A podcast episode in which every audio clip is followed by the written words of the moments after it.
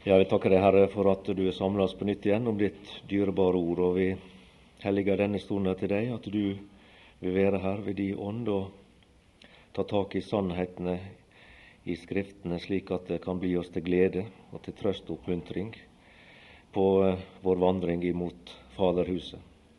Amen. Det er da noe å være barn av Gud den evige Far. Slik setter jeg overskrift over disse samværa, bibeltimene eller hva du vil kalle det, som vi skal ha sammen i denne helga. Og I går da prøvde jeg å stanse for ut fra Guds ord at det å være et Guds barn, det har to sider i seg. Det er to dimensjoner i det å være et Guds barn. Det ene det er at vi er gjenfødt, slik som Peter uttrykker det i 1. Peter 1,3, at vi er gjenfødt til et levende håp.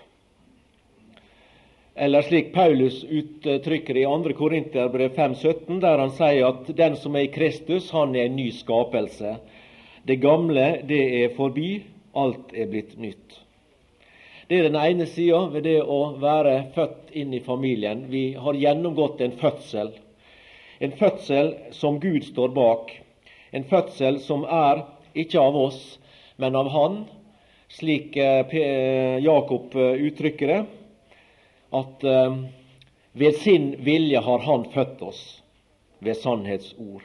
Det var ei skapergjerning eh, som Gud utførte i våre liv.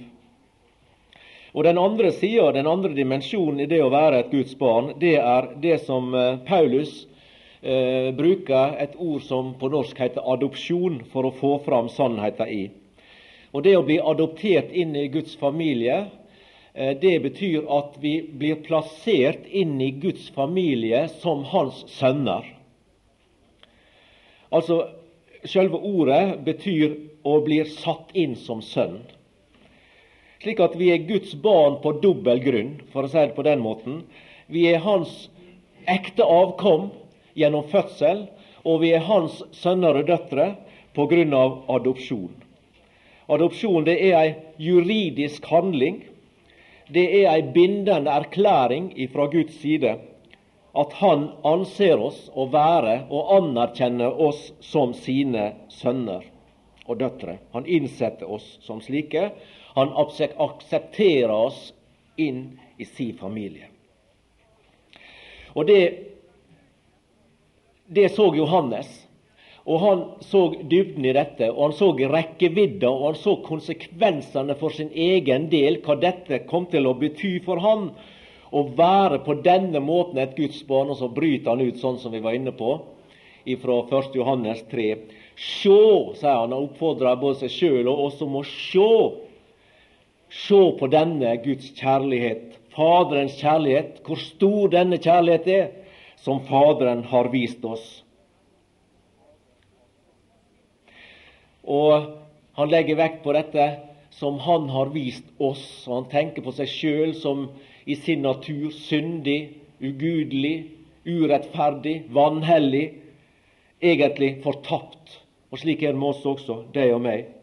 At vi som sto Gud imot, vi som var syndere i tanke, ord og handling, at Han har tatt oss inn i sin familie, at Han har gjort dette for oss og i oss, det er var for Johannes ufattelig, og det er for oss ufattelig også. Det var det vi slutta med i går kveld. Og jeg vil føre oss videre inn i, i um, Når vi leser om denne som Jesus fortalte om, den såkalte fortapte sønnen. Og vi skal gå til Lukas det 15. kapittel. Tenk på den situasjonen som, som den fortapte sønnen var i da han eh, satt der ute i, i det fremmede landet og grubla over sin livssituasjon. Han hadde jo eh, gått til far en dag og forlangt å få alt det som hørte han til etter arv. Og han fikk med seg sine verdier, sin formue, ut, og han reiste til et land langt borte, leser vi om. Og der levde han et liv som ikke var noe særlig å skryte av, veit vi. Han øtte sin eiendom, står det i vers 13 og levde i et ryggesløst levnet. Men da han hadde satt alt over styr, ble det svær hunger i landet, og begynte å lide nød. Og så begynte han å tenke og begynte å gruble. Og så ser vi hva han grubla over i vers 17-19. Eh, Men da han kom han til seg selv og sa:" Hvor mange leiefolk hos min far har fulgt opp av brød, men jeg setter livet til her av sult. Jeg vil stå opp og gå til min far og si til ham, Far, jeg har syndet mot himmelen og for deg, og jeg er ikke verdig lenger til å kalles din sønn. La meg få være som en av dine leiefolk. Slik satt han og grubla. Han satt og tenkte over sin situasjon og opplevde seg sjøl i stor nød og elendighet der han var. Sjølforskyldt, egentlig. Han hadde gjort et valg, og dette valget førte han til andre valg, som igjen førte han inn i denne situasjonen her sammen med noe han ikke kunne ha kontroll med, nemlig denne hungeren som kom over landet. Det var jo ikke hans feil. Men han kom i en situasjon der han tenkte tilbake igjen til fars huset og heime, hvordan det var der. Og han kom til det at eh, til og med, til og med arbeidsfolket der hadde det mye bedre enn slik han hadde det. Og han var sønn og satt her i denne elendigheten, og de var vanlige arbeidsfolk og tjenere og hadde hadde det så mye, mye bedre. Og så ville han, gjorde han et nytt valg. Han ville reise hjem igjen. Men så var det denne angsten og denne spenninga og dette å møte de hjemme. Og han tenkte med seg hvordan han skulle møte faren når han traff han. Og da forma han denne talen, eh, dette som han skulle si, som vi la oss her. Og han hadde i grunnen rett i det han sa. Han hadde allerede tatt imot av far det som var hans. Det kan vi lese lenger oppe. Og han hadde allerede ødelagt det som han fikk.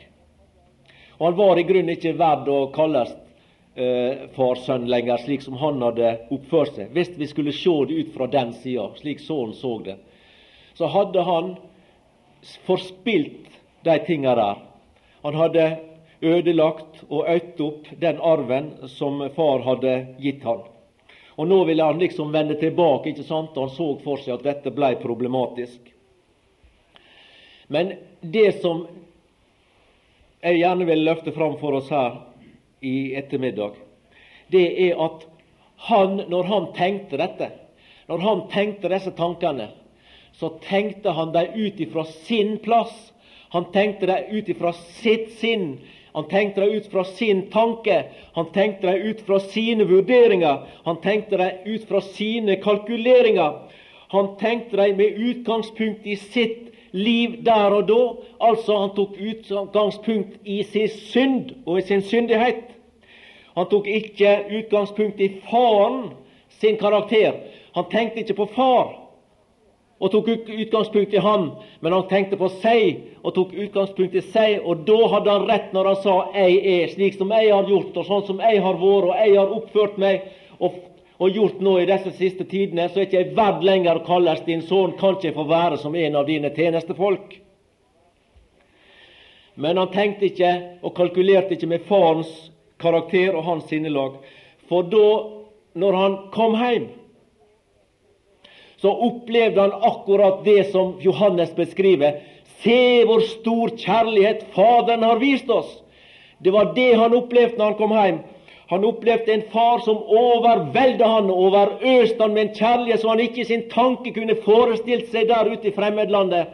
Han forestilte seg en far som ville dømme, som ville kritisere, som ville vise avstand og vise kulde, og derfor så ville han blidgjøre far med å si at 'jeg har gjort det og det og det, og synda mot himmelen og for deg, og er ikke verdig lenger', men kan ikke du? Han ville krype ned der nede i et håp om at far ville vise medynk. Men det han opplevde når han kom, det var at faren overvelda han, overøste han og nærmest drukna han i kjærlighet, omtanke og omsorg. Han trodde knapt sine egne øyne og ører. Der kom far han i møte, springende på distanse, hadde han sett han, og kom han i møte, og falt han om halsen og kyssa han. Det var et møte fylt av kjærlighet, fylt av inderlighet, fylt av medfølelse, fylt av ømhet og alle disse plussordene vi kan nevne. Vi leser det her i vers 20. Eh, Men da han ennå var langt borte, så hans far ham, og han ynkedes inderlig og løp til og falt ham om halsen og kysset ham. Og så kommer det som gjør at jeg sier det at jeg trodde han, hadde ikke tanke for dette sånn. Fordi at han, hadde ikke, han la ikke merke til det nesten. Far kommer han i møte, kaster seg om halsen på han, kysser han og gir han den inderligste velkomst. Og så står det Men sønnen sa Far, jeg har syndet mot himmelen og for deg, og jeg er ikke verdig lenger til å kalles din sønn. Han oppfatta ikke Det var så overveldende, dette møtet, at det gikk han omtrent hus forbi hva faren hadde gjort. Så han holdt på sin tale. Han ville gjennomføre det som han hadde tenkt ut på forhånd der ute i det fremmede land, og begynte på denne. Far, jeg har syndet mot himmelen og for deg. Hans synd, hans liv der ute, det tynga han slik ned at han, hadde, han klarte ikke helt å oppfatte og erkjenne og få med seg faren sin kjærlige velkomst. Hvordan kunne han tenke seg at far ville ta han imot på denne måten? Hvordan kunne han tenke seg der ute at far kunne være glad i han på en slik måte? Men far han viser han sin kjærlighet ved å gi han den beste kledning, ring på fingeren, sko på føttene og en velkomstfest uten like. Eh, vers 22. Men faren sa til tjenerne, ta frem den beste kledning og ha den på ham, og gi ham en ring på hans hånd og sko på hans føtter. Og hent gjøkalven og slakt dem, og la oss ete og være glade. For denne min sønn var død og er blitt levende igjen, var tapt og er funnet, og de begynte å være glade. Her ser du hvordan far møter denne sønnen. Han møter han med kjærlighet, med omtanke og med glede, ei gjensynsglede som uh, gir seg utslag i disse gavene som han får, og denne festen som de holder. Men sønnen på sin side han var så opptatt med seg sjøl, med sin elendighet, med sin, sitt nederlag, sitt forfalt liv så langt, og det som hadde skjedd der ute i dette fremmede landet, at han på en måte ikke klarte å få med seg det som far møtte han med. Så han var i tankegangen, han var der ute, og fremdeles så han det slik. Men far, han, eh, han var kjærlighet, og han ligner sånn på vår Far i himmelen. Som Johannes sier, denne fars kjærligheten, at vi skal kalles Guds barn, og det er vi. For når han sier fram denne talen sin så, så legger du merke til her i vers 22 at far han kommenterer ikke det. Han kommenterer ikke det i det hele tatt. Det er ikke hans tanke. Det er ikke noe på, på hans eh, sinn, det som sønnen kommer med. Han har ikke tanke for det som var der ute. Han har ikke en tanke for fortida. Det står Men faren sa Han snudde ryggen til. Det var det han gjorde. Her kommer sønnen, han ser han langt borte, og han har lengta etter Kanskje det har gått mange år, ikke veit jeg. Men kanskje det har gått flere år. Han levde der ute i dette livet i ryggesløshet, ute i dette fremmede landet der langt borte. Og så kommer han tilbake, og faren ser han komme, og springer han i møte, og gjennom all sin gjerning gjennom all sin måte å være på, så viste far sin at han lengta etter dette møtet, at han hadde venta på han siden han reiste, og at hans hjerte var åpent for denne sønnen, fullstendig åpent, og tok han imot uten tanke på det som hadde vært før. Og når gutten da etter fått velkomstklem og ring og sko og dette, så legger han fram sin elendighet og hvor ille det var med han, og hvordan han tenkte seg at faren skulle behandle han som en av tjenerne. Og faren han reagerer med å snu ryggen til sønnen. Dette er ikke på tapetet. Dette snakker ikke vi om. Tvert imot så sier han til tjenerne Han henvender seg til dem og sier 'Få fram disse tingene her, for nå skal vi ha fest'. Stort bedre og stort klarere i praksis går ikke an å vise at det gamle er forganget, se, alt er blitt nytt. Og Slik fikk han oppleve det.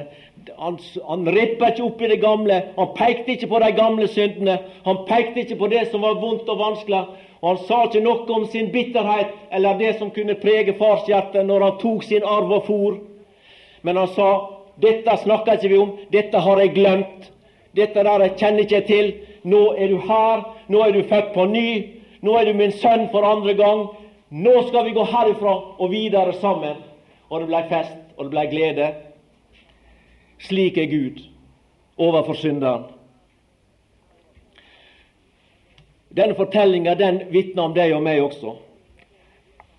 Fordi at det, enda denne Lukas 15 om den fortapte sønnen kanskje er en av de mest kjente av Jesu lignelser, og gjerne en av de mest elska av Jesu lignelser blant Guds eh, barn, så er ikke det alltid vi har fått med oss det den lærer oss.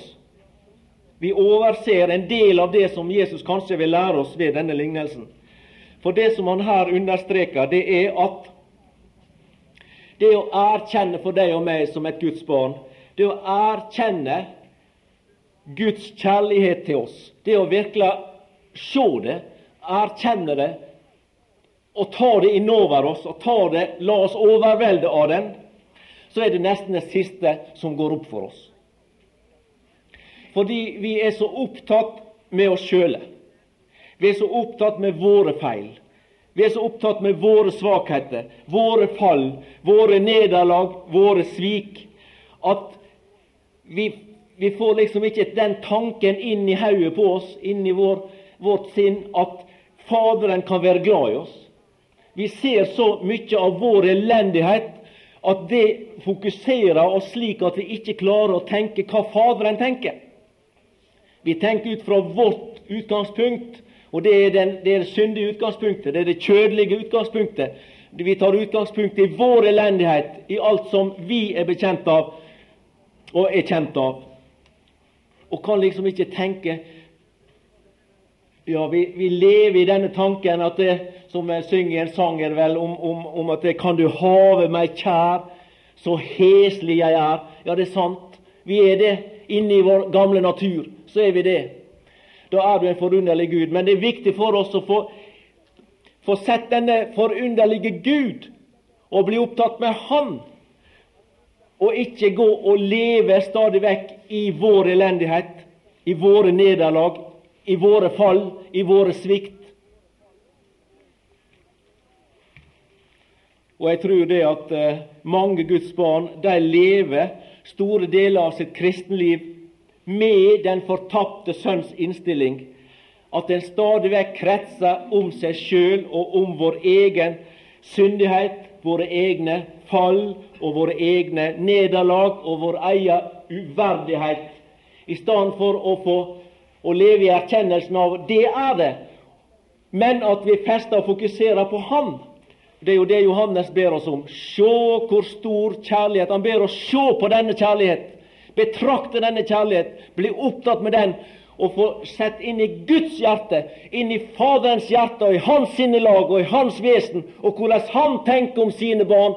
Og da vil vi bli løfta opp og kunne glede oss og kjenne fred i hjertet og være trygg i familien.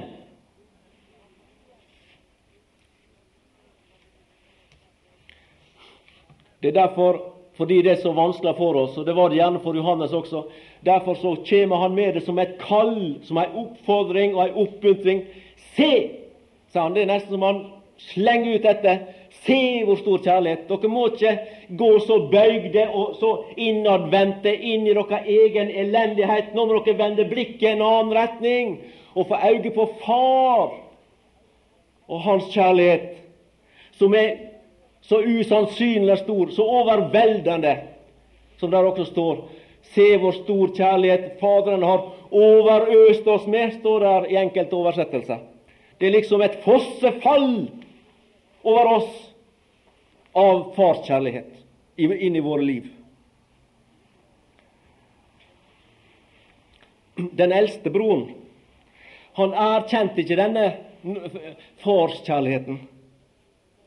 Det som er litt interessant her, det er at det, han var så, rent sånn geografisk i antall meter, så var han nærest far. Han levde hjemme. Men åndelig talt så var han den som var lengst borte. I åndelig forstand så levde i grunnen denne sønnen hjemme. Han levde, Det var han som levde i et land langt borte.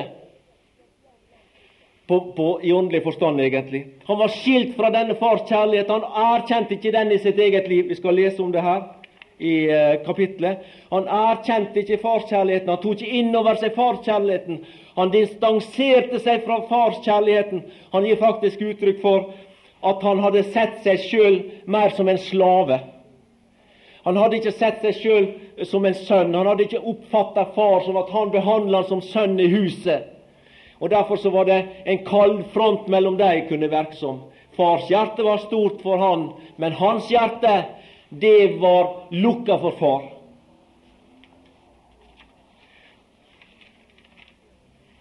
Så han distanserte seg egentlig fra Faderens kjærlighet og fra hans nådige eh, behandling. Og det står også om han, at til sist så var det han som nekta å gå inn i huset.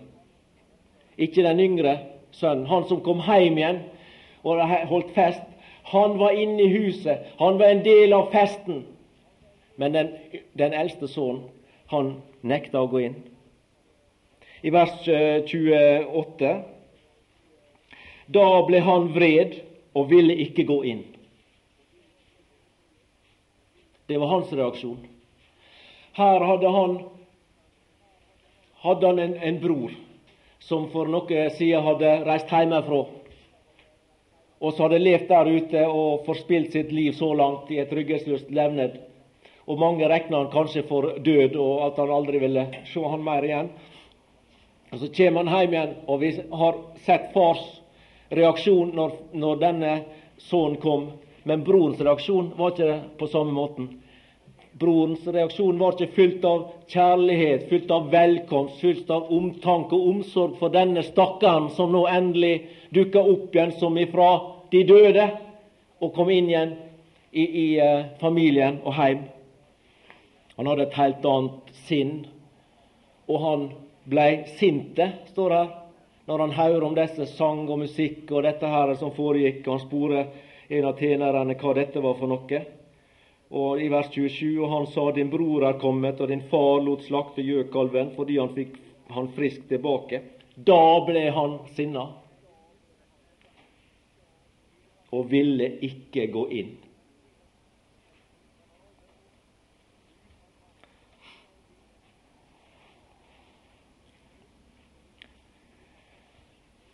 Og han eh, Det så ut som han nekta å tro at han, faren var glad i han, liksom. For vi går til vers 29, så faren kom ut der. Eh, hans far gikk da ut og talte vennlig til ham, altså i vers 29. Men han svarte og sa til sin far Se, i så mange år har jeg tjent deg. Og I enkelte oversettere står det, står det Se, i så mange år har jeg slavet for deg. Har jeg vært som en slave for deg og aldri har jeg gjort imot ditt bud, og meg har du aldri gitt et kje for at jeg kunne være glad med mine venner. Der ser du hans holdning. Han så på en måte med seg, sammenligna seg med disse tjenerne, og han oppfatta seg som kanskje enda ringere stilt overfor far enn disse tjenerne. I så mange år har jeg slava for deg, tjent deg, aldri gjort imot dine bud. Og hvordan har du behandla meg? Jeg har ikke fått engang et kje, så jeg kunne liksom fått skape en gledesfest for mine venner. Men når denne her Jeg skal komme litt tilbake til det. Misunnelsen. Det her han karen der som forsvant hjemmefra forspilte hele arven, og han kommer tilbake. Da gjør du sånn og sånn og sånn for han. Han hadde aldri i sitt sinn visst hva det betydde å være sønn. Slik som teksten her uttaler seg eller utvikler seg, kan nærmest virke han så på seg sjøl som en tjener mer enn som en sønn, og behandla sin far i samme måte, mer som en arbeidsgiver enn en far. Og var bitter på far, var skuffa over far. Og indirekte så sier han vel egentlig at, at far ikke hadde vist han den samme kjærlighet og omsorg og omtanke som denne andre, som her ble overvelda med denne kjærligheten ifra far. Så her er to kontraster som vi har løfta fram her. Ene, den ene det er den, denne brorens sinnelag, han som var der ute på marka, og som ikke ville gå inn, i vers 29 om igjen. Der han også begynner slik. Se, sa han, se, i så mange år har jeg tjent deg. og aldri har jeg gjort imot ditt bud. Det er ene, det ene sinnelaget. Det er den ene innstillinga overfor far. Og så er det den andre innstillinga. Se! er det en annen som roper også. Se hvor stor kjærlighet Faderen har vist oss, at vi skal kalles Guds barn. Ser du Johannes i sitt første brev? Han hadde den innstillinga. Han så på far og den kjærlighet som far overøste med. Og så var den, den andre han også sa se, ikke hvor stor kjærlighet far har vist meg, og uttrykke sin takknemlighet for det, men se, i så mange år har jeg tjent deg, og aldri har jeg gjort imot dine bud. Men du har aldri gitt meg. Du har aldri gitt meg.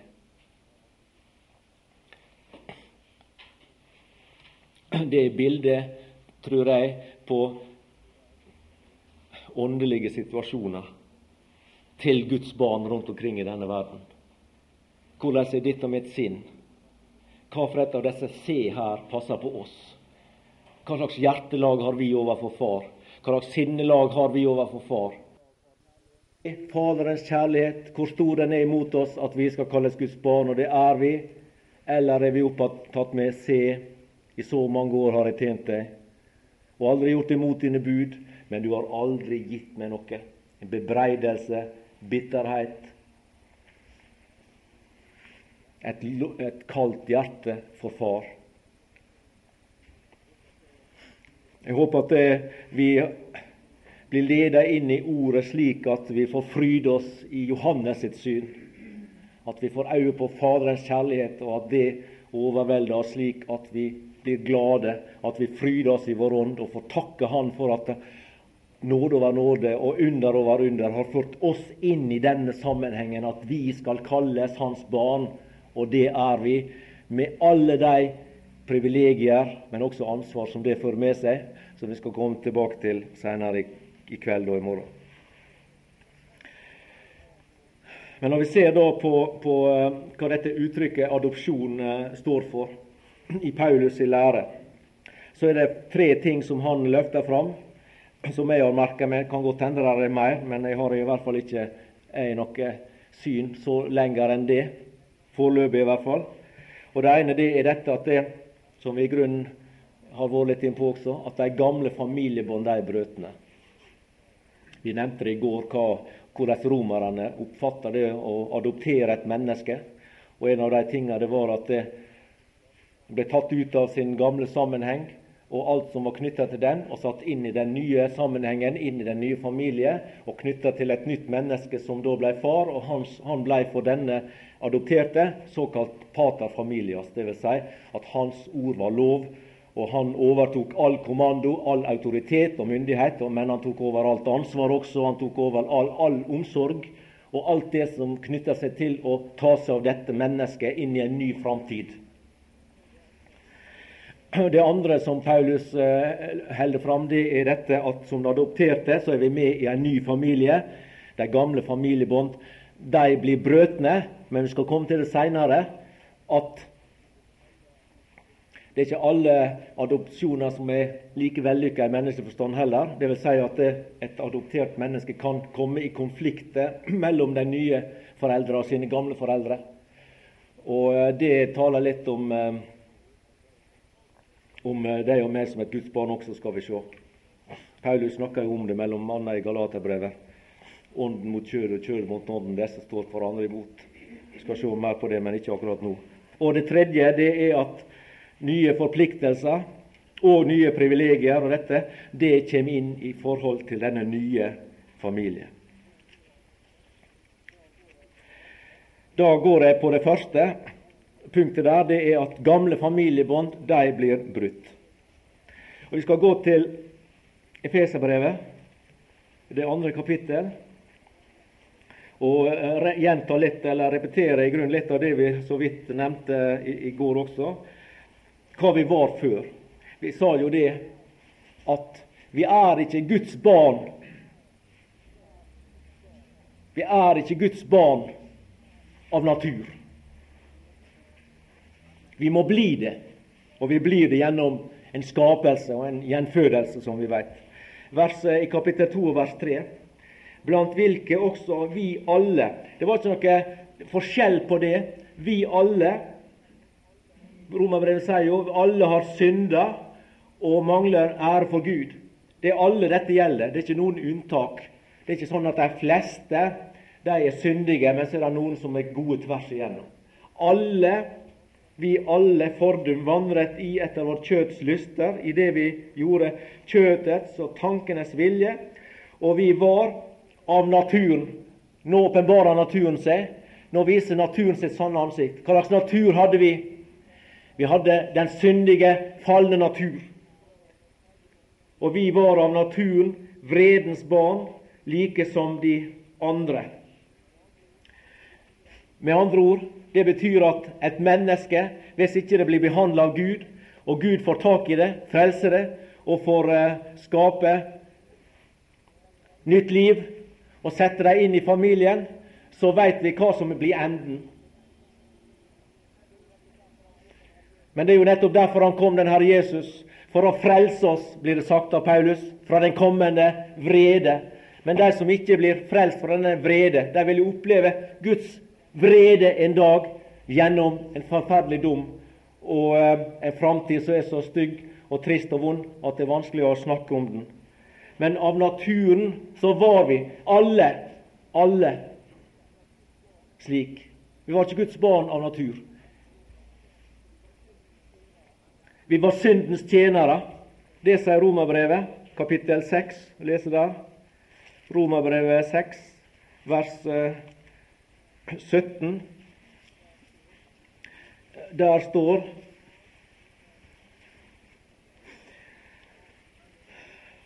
at i vel har vært syndens tjenere. Det, det, var det vi var før. Var vi alle? Vi var alle. I vår syndige tilstand, i vår versliggjorte tilstand, var vi alle vredens barn, liksom de andre. Vi var syndens tjenere. I vers 20.: For den gang da I var syndens tjenere, var I fri fra rettferdigheten syndens tjenere. Paulus sa her i, i Efeserbrevet 2 også kjødets og tankenes Vi gjorde kjødets og tankenes vilje. Kjøtsvilje, mannsvilje, blodsvilje. Det er ikke av Gud. Gud, han uh, før av Gud. Det står i motsetning til det som skjer på menneskelig vis. Blei vi Guds barn, ikke ved manns blods og kjøtts vilje, men av Gud.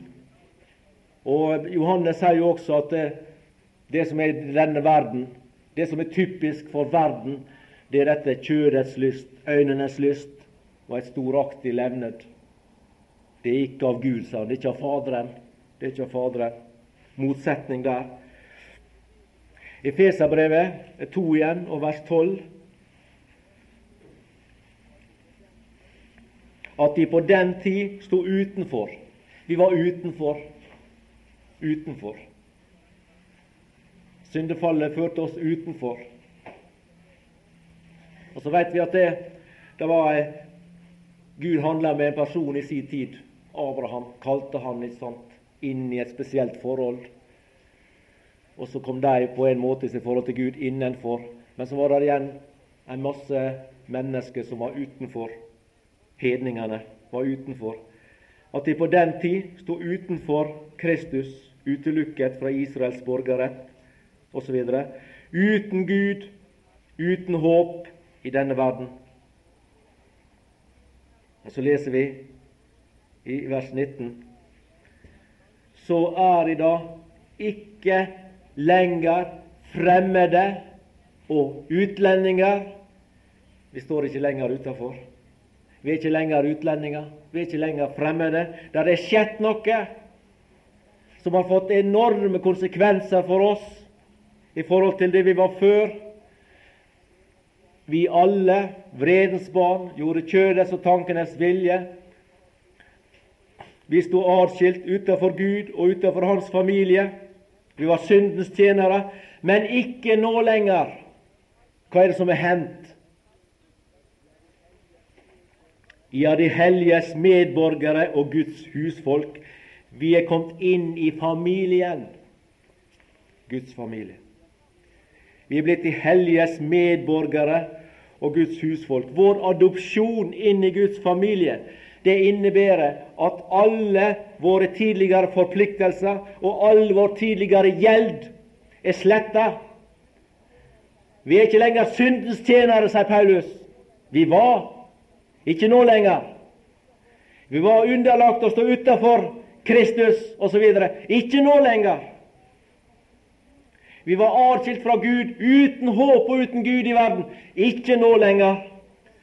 For vi er blitt adoptert av Gud inn i Hans familie og satt der som sønner, og Han aksepterer oss som det. Fullverdige sønner.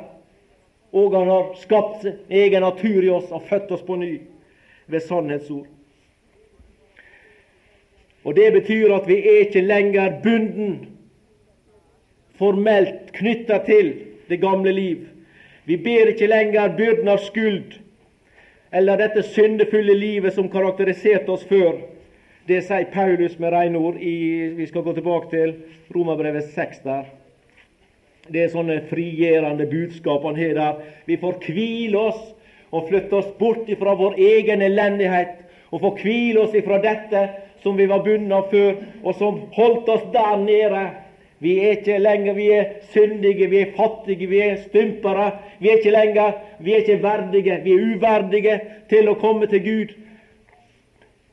Vi var en gang, men ikke nå lenger. Det har skjedd et under i våre liv.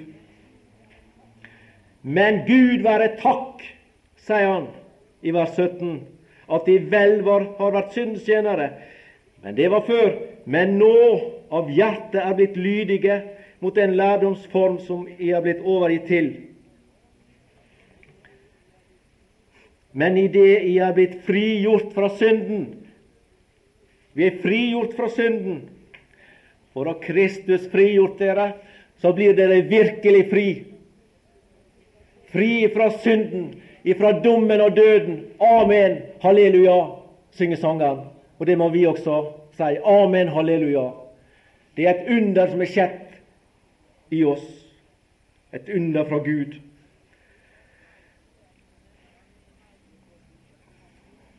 Vi er trådt i rettferdighetens tjeneste, frigjort fra synden. Vi har bedre den syndige natur i oss, og vi synder fremdeles i den natur, i tanke, ord og gjerning. Det må vi bare beklage og erkjenne. Det, slik er livet, og sånn er det. Men, sier Paulus, Gud være takk, Synda har ikke lenger krav på oss. Synda har ikke lenger noen autoritet i våre liv. Vi er overgitt i en annen sammenheng. Vi er i, gått inn i rettferdighetens tjeneste, og vi skal stille våre lemmer framfor Han, sier han andre plasser. At det er vår åndelige gudstjeneste. Å leve i det nye levned til ære for den frelser som har frelst oss, og den Gud som har adoptert oss inn i sin familie. Men vi så det når vi snakka om den, den fortapte sønn der, at det, vi som er Guds barn, vi finner ofte vanskelig å tro dette, at Gud sin nåde mot oss virkelig er sann, og at den er ekte, og at den er der, at vi får tilegne oss den og tro den, at Hans nåde er for meg. Men livet viser at den som lever i denne erkjennelsen, det er Guds barn som lever i kunnskapen om og i vissheten om at Gud elsker en slik, som han uttrykker her i Johannes f.eks., at det virker som et vern for oss i vårt daglige liv. Et vern mot Satan og hans fristelser og hans prøvelser og alle de ting han prøver å påføre våre liv. Jesus opplevde det, og vi vil i en viss grad oppleve det samme, slik som vi finner det i Matteus eh, kapittel 4. Jesus han, han ble frista av djevelen der ute i øydemarka. Og i eh, kapittel 4 og så står det i vers 3 Og fristeren kom til ham og sa Ja, det gjør han til oss også. Det er bare å beklage, men det gjør han. Han kommer til oss også. Fristeren kommer til oss også. Når fristeren kommer og banker på mitt hjerte, sang ikke vi det som en barnesang, men det tror jeg gjelder, det gjelder jo hele livet. Vi er barn hele livet, Guds barn. Og fristeren kommer og banker på mitt hjerte og, og vil føre meg ut i fristelse, og ut i fall og ut i nederlag. Er du Guds sønn, da si til disse stener at de skal bli til brød. Og i vers 6.: Er du Guds sønn, da kast deg ned, for det er skrevet, han skal gi sine engler befaling om deg og de skal bære deg på hendene for at du ikke skal støte deg på noen sten. Og Slik kom han til en viss grad til oss også. Han kom og frista oss til å si du som er Guds barn, du må vel kunne slik og slik. Og du som er Guds barn, du må gjøre det og det. Du som er Guds sønn, vis nå at du er det ved sånn og sånn. Vis din styrke. Vis at der står du, der andre feller, osv. Og så, hvis vi blir grepet av denne fristelsen og tenker at vi er styrke i oss sjøl, og hever kjøtt for vår arm, så faller vi. Og idet vi feller, så er han der og sier sjå der, ja, du falt, du kan ikke være Guds barn, du som er så elendig, du som ikke sto der. Og så går han inn i oss, og så prøver han å frata oss gleden i Herren. Så prøver han å ryste vår trygghet og visshet i det å være Guds barn og høre Ham til. Det er hans strategi. Han frister oss til håmod og håmod står for fall. Og når fallet er et faktum, så er han der igjen og peker på fallet og sier du kan ikke være en kristen, et frelst menneske som lever et sånt liv, som kan tenke de tanker, som kan komme med de ytringene, som kan være så bitter, som kan være så full av misunnelse osv. Kjenner ikke du til det? Det er slik han gjør. Og hva er svaret for oss på disse hans fristelser? Er det å løfte og si som han sa Peter, om alle andre svikter, så skal i hvert fall ikke jeg. Nei, det må være å innrømme sin egen vannmakt. Og huske på, og det syns jeg er viktig for meg å få fram nå, her i ettermiddag til oss alle, og det er at vi er ikke Guds barn av verdighet. Vi er ikke Guds barn av fortjeneste men vi er Guds barn på grunn av en nådefull, fri adopsjon fra Guds side. Han valgte oss ut. Det var det han gjorde. Det var ikke vi som gjorde oss fortjent, men det var han som adopterte oss. Gud har valgt oss. Og Det betyr at vår status som Guds barn det er ikke et resultat av verdighet, men et resultat av Hans kjærlighet. Det er det som gir oss status som Guds barn. Når den eldste broren der i lignelsen beklager seg og bebreider broren at han hykler Vi skal gå tilbake til Lukas et øyeblikk, skal du se. Hvis vi går til eh, vers 30 der, i Lukas 15.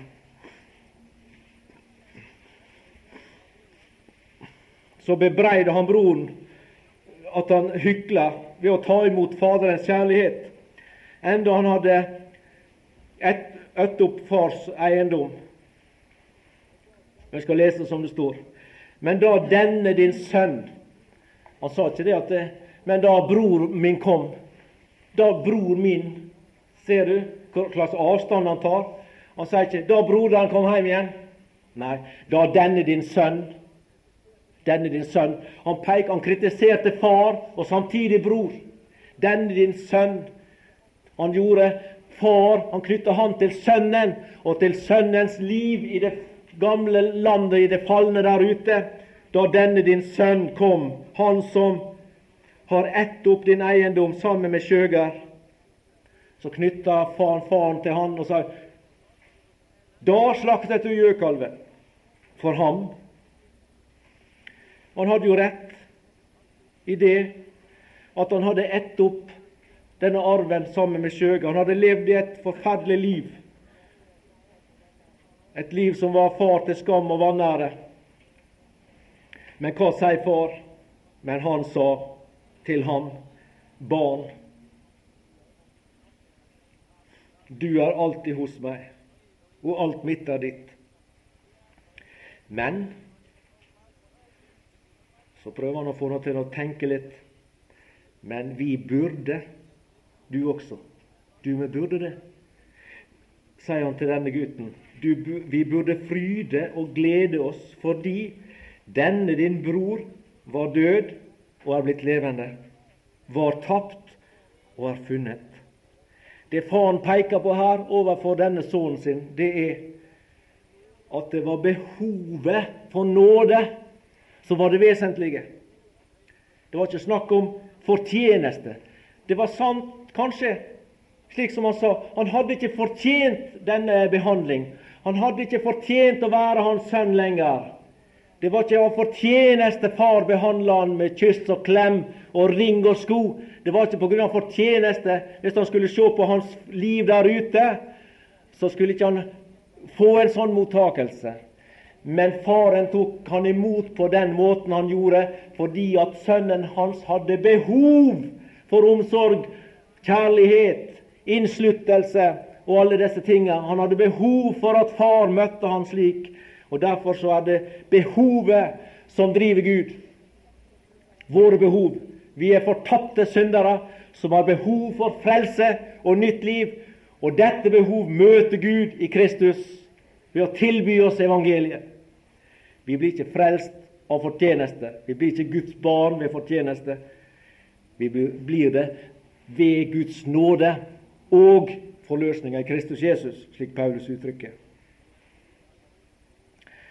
Det betyr at fordi Han ikke handler med oss etter våre gjerninger og etter våre mangel på fortjeneste, så ber vi heller ikke byrden over fortid. Det gamle, det er forganget, sier Gud. Alt er blitt nytt.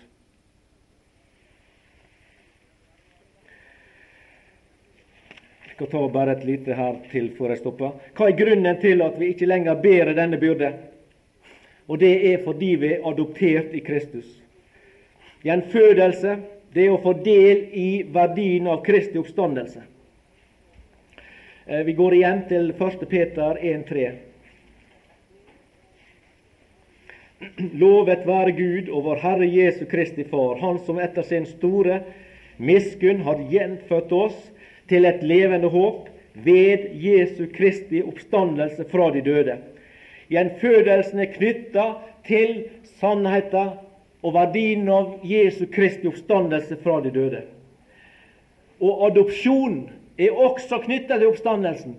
Adopsjon er å få del i Kristi adopsjon i oppstandelsen. For det at Jesu oppstandelse det er ikke bare en guddommelig maktdemonstrasjon, at han overvinner døden, og at døden ikke kunne holde på han. Men det er ei erklæring fra Guds side om en formell adopsjon av Jesus Kristus.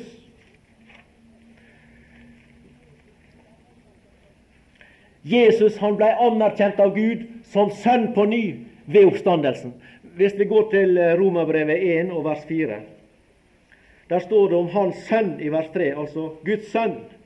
Og så går til vers 4, som etter hellighetsånd er godtgjort å være Guds veldige sønn ved oppstandelsen fra de døde, Jesus Kristus, vår Herre. Han er godtgjort å være Guds veldige sønn. Med andre ord oppstandelsen viser at Gud anerkjente han som sønn. Han ble godt gjort å være det. Gud sette sitt godkjenningsstempel på og sa 'Dette er min sønn'. Og det er det adopsjon betyr. Det er å bli innsatt som sønn.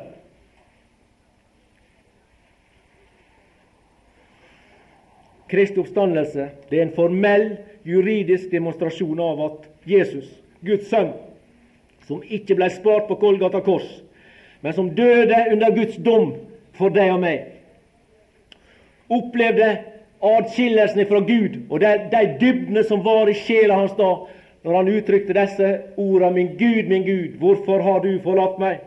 Han blir ønska velkommen tilbake og inn i Guds familie som Guds sønn på ny. Det finner vi direkte sagt i apostelgjerningene det 13. kapittel og det 33. vers. Der ser du at oppstandelsen er knytta til en adopsjon av Kristus fra Guds side. At han innsetter han som sønn ved oppstandelsen.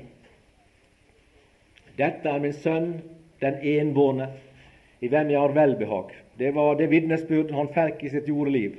Dette er min sønn, den elskede. Hør ham. Dette er min sønn, den elskede. Så døde han. Men Gud oppreiste han. Han ble godtgjort å være Guds veldige sønn ved oppstandelsen. Og gjennom oppstandelsen adopterte Gud Jesus inn i familien. Innsatte han som sønn. For der står det i slutten av vers 32 dette har Gud oppfylt for, for oss, deres barn, idet Han oppreiste Jesus det oppstandelsen. Således som det også er skrevet i den andre salme, Du er min sønn, jeg har født deg i dag. Det er ikke Betlehem det er snakk om her. Du er min sønn, jeg har født deg i dag. Det er ikke Betlehem det er snakk om. Det er oppstandelsen det er snakk om. Gjennom sin oppstandelse så sier Gud, anerkjenner han som sønn på ny og sier, 'Du er min sønn, jeg har født deg i dag.' 'Jeg innsetter deg på ny som sønn, du er adoptert.' Og denne hans adopsjon er grunnlaget for din og min adopsjon inn i Guds familie. Guds sønn han reiste til et, langt, et land langt der borte for de og min skyld. Han returnerte ifra døden og ble ønska velkommen hjem av far. Far ønska han velkommen hjem. Og ved Guds nåde så skal du og jeg også få del i denne velkomst, så sant vi hører Han til. Jeg tror jeg må stoppe da. Ja, jeg takker deg, Herre Jesus, for at eh, det å være et Guds barn det å være med i familien, det, er, det har sånn uendelig verdi. Herre, la oss få øye på det, så vi kan få hvile oss i det. Falle til ro ved enkelt å tro at du døde på korset for meg. Amen.